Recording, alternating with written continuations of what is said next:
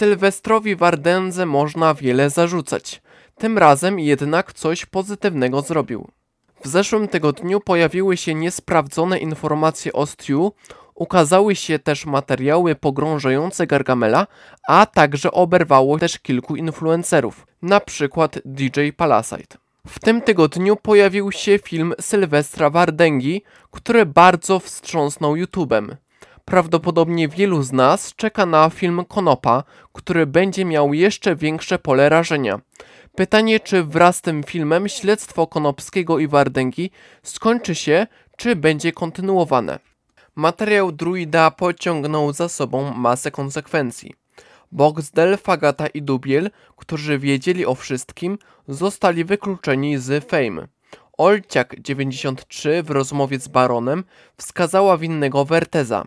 Ponadto Boxdel przestał być włodarzem Fame MMA, utracił współpracę z GBS i został wyrzucony z Move Federation. Konsekwencje nie skończyły się na tym. Stanowski na podstawie wiedzy o niestosownym filmie z udziałem nieletnich dziewczyn zakończył współpracę z człowiekiem Wargą. Gospodarz kanału z dupy wydał oświadczenie, komentując film Sylwestra Wardęgi, bardzo wiarygodny. Zaskoczyła mnie duża ilość dowodów.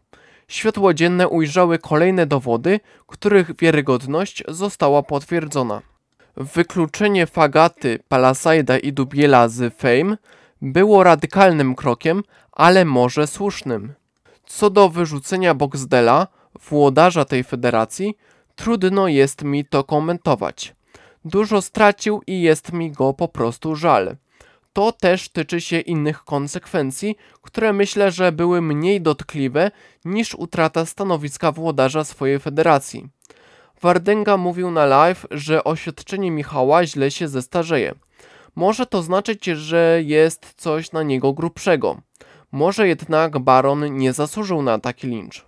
Przykre i nieco niesprawiedliwe jest wykorzystywanie starych brudów przez Stanowskiego do zakończenia współpracy z człowiekiem wargą.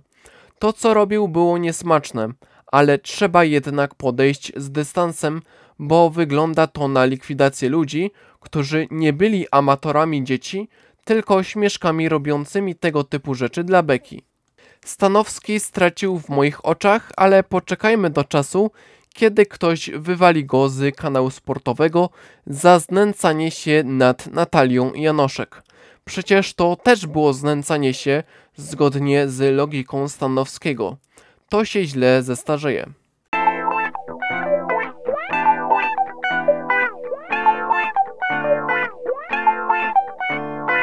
Była to audycja PAPM Podcast. Prowadził scenariusz realizacja Krzysiek. Rok produkcji publikacji 2023.